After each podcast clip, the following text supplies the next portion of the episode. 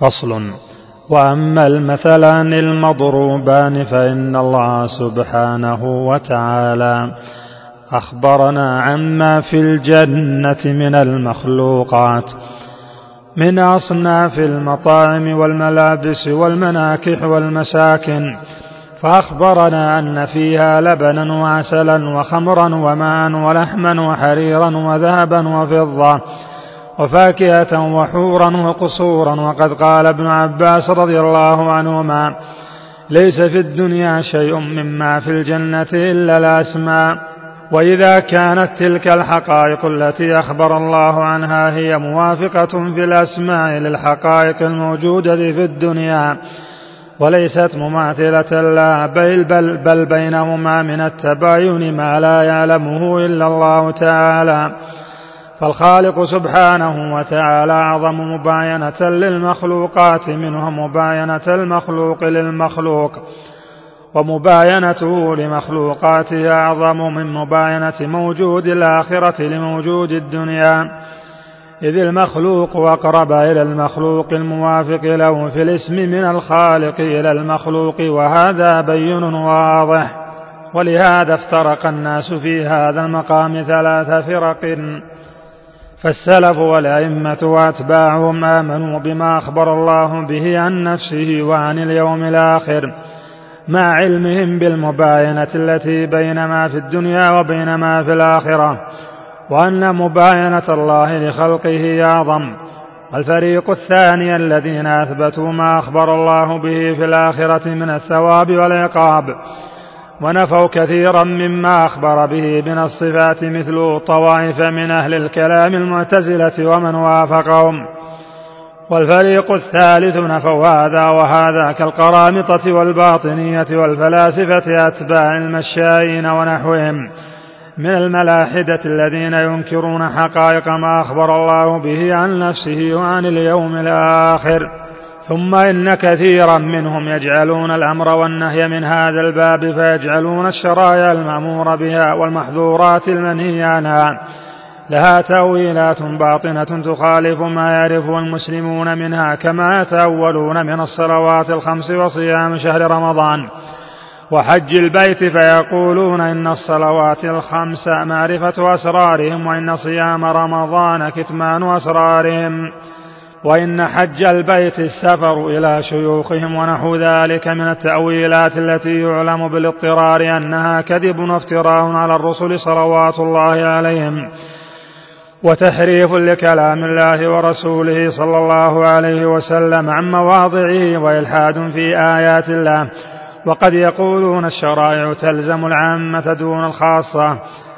فإذا صار الرجل من عارفيهم ومحققيهم وموحديهم رفعوا عنه الواجبات وأباحوا له المحظورات وقد يدخل في المنتسبين إلى التصوف والسلوك من يدخل في بعض هذه المذاهب وهؤلاء الباطنية. هم الملاحدة الذين أجمع المسلمون على أنهم أكثر من اليهود والنصارى.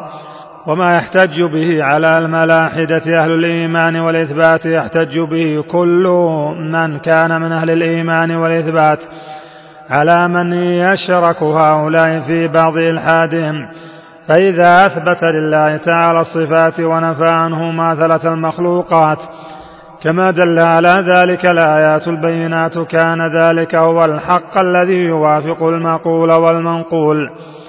ويهدم أساس الإلحاد والضلالات. والله سبحانه لا تضرب له الأمثال التي فيها مماثلة لخلقه فإن الله لا مثيل له. بل له المثل الأعلى فلا يجوز أن يشرك هو والمخلوقات في قياس تمثيل ولا في قياس شمول. ولا في قياس شمول تستوي أفراده ولكن يستعمل في حقه المثل الأعلى.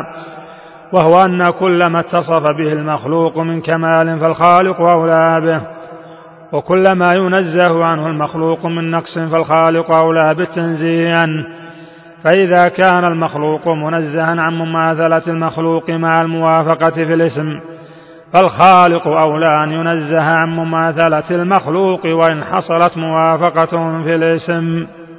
وهكذا القول في المثل الثاني وهو أن الروح التي فينا فإنها قد وصفت بصفات ثبوتية وسلبية. وقد أخبرت النصوص أنها تعرج وتصعد من سماء إلى سماء وأنها تقبض من البدن وتسل منه كما تسل الشعرة من العجينة والناس مضطربون فيها. فمنهم طوائف من أهل الكلام يجعلونها جزءا من البدن أو صفة من صفاته كقول بعضهم. إنها النفس أو الريح التي تردد في البدن. وقول بعضهم إنها الحياة أو المزاج أو نفس البدن ومنهم طوائف من أهل الفلسفة يصفونها يصفونها بما يصفون به واجب الوجود عندهم وهي أمور لا يتصف بها إلا ممتنع الوجود فيقولون لا هي داخلة في البدن ولا خارجة ولا مباينة له ولا مداخلة له ولا متحركة ولا ساكنة ولا تصعد ولا تهبط ولا تصعد ولا تهبط ولا هي جسم ولا عرض وقد يقولون إنها لا تدرك وقد يقولون إنها لا تدرك الأمور المعينة والحقائق الموجودة في الخارج وإنما تدرك الأمور الكلية المطلقة وقد يقولون إنها لا داخل العالم ولا خارجه ولا مباينة له ولا مداخلة. وربما قالوا ليست داخلة في أجسام العالم ولا خارجة ولا خارجة عنها مع تفسيرهم للجسم بما لا يقبل الإشارة الحسية. فيصفونها بأنها لا يمكن الإشارة إليها ونحو ذلك ونحو ذلك من الصفات السلبية التي تلحقها بالمعدوم والممتنع. وإذا قيل لهم إثبات مثل هذا ممتنع في ضرورة العقل قالوا بل هذا ممكن بل هذا ممكن بدليل أن الكليات ممكنة موجودة وهي غير مشار إليها. وقد غفلوا عن كون الكليات لا توجد كلية إلا في الأذهان لا في العيان فيعتمدون فيما يقولونه في المبدأ والمعاد على مثل هذا الخيال. الذي لا يخفى فساده على غالب الجهال. واضطراب النفاة والمثبتة في الروح كثير وسبب ذلك أن الروح التي تسمى بالنفس الناطقة عند الفلاسفة ليست هي من جنس هذا البدن ولا من جنس العناصر والمولدات منها بل هي من جنس آخر مخالف لهذه الأجناس فصار هؤلاء لا يعرفونها إلا بالسلوب. إلا بالسلوب التي توجب مخالفتها للأجسام التي توجب مخالفتها للأجسام المشهودة وأولئك يجعلونها من جنس الأجسام المشهودة. وكلا القولين خطأ. وإطلاق القول عليها بأنها جسم أو ليست بجسم يحتاج إلى تفصيل. فإن لفظ الجسم للناس فيه أقوال متعددة اصطلاحية غير معناه اللغوي. فإن أهل اللغة يقولون الجسم هو الجسد والبدن وبهذا الاعتبار فالروح ليست جسما. ولهذا يقولون الروح والجسم كما قال تعالى وإذا رأيتهم تعجبك أجسامهم ويقولوا تسمع لقولهم. وقال تعالى وزادهم مبسطا في العلم والجسم.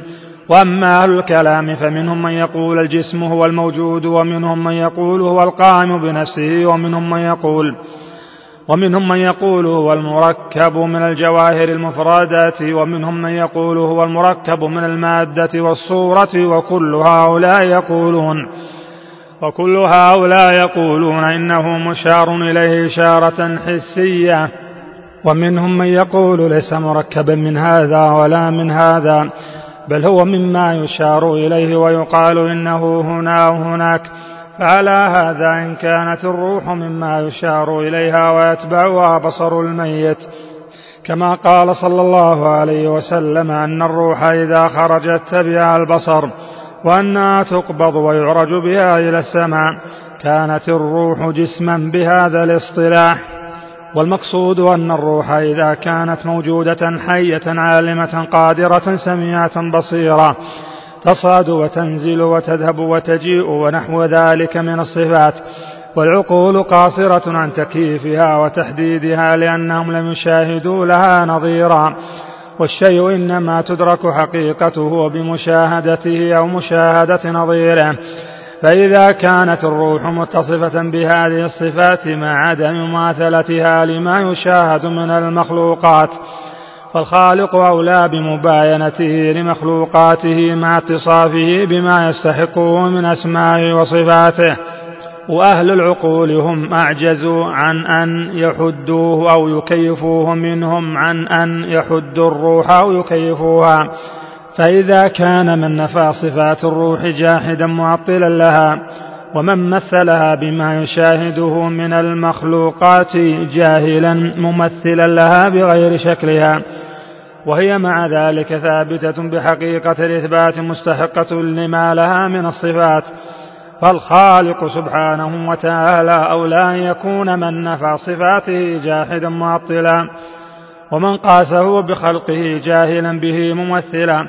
وهو سبحانه وتعالى ثابت بحقيقة الإثبات. مستحق لما له من الأسماء والصفات.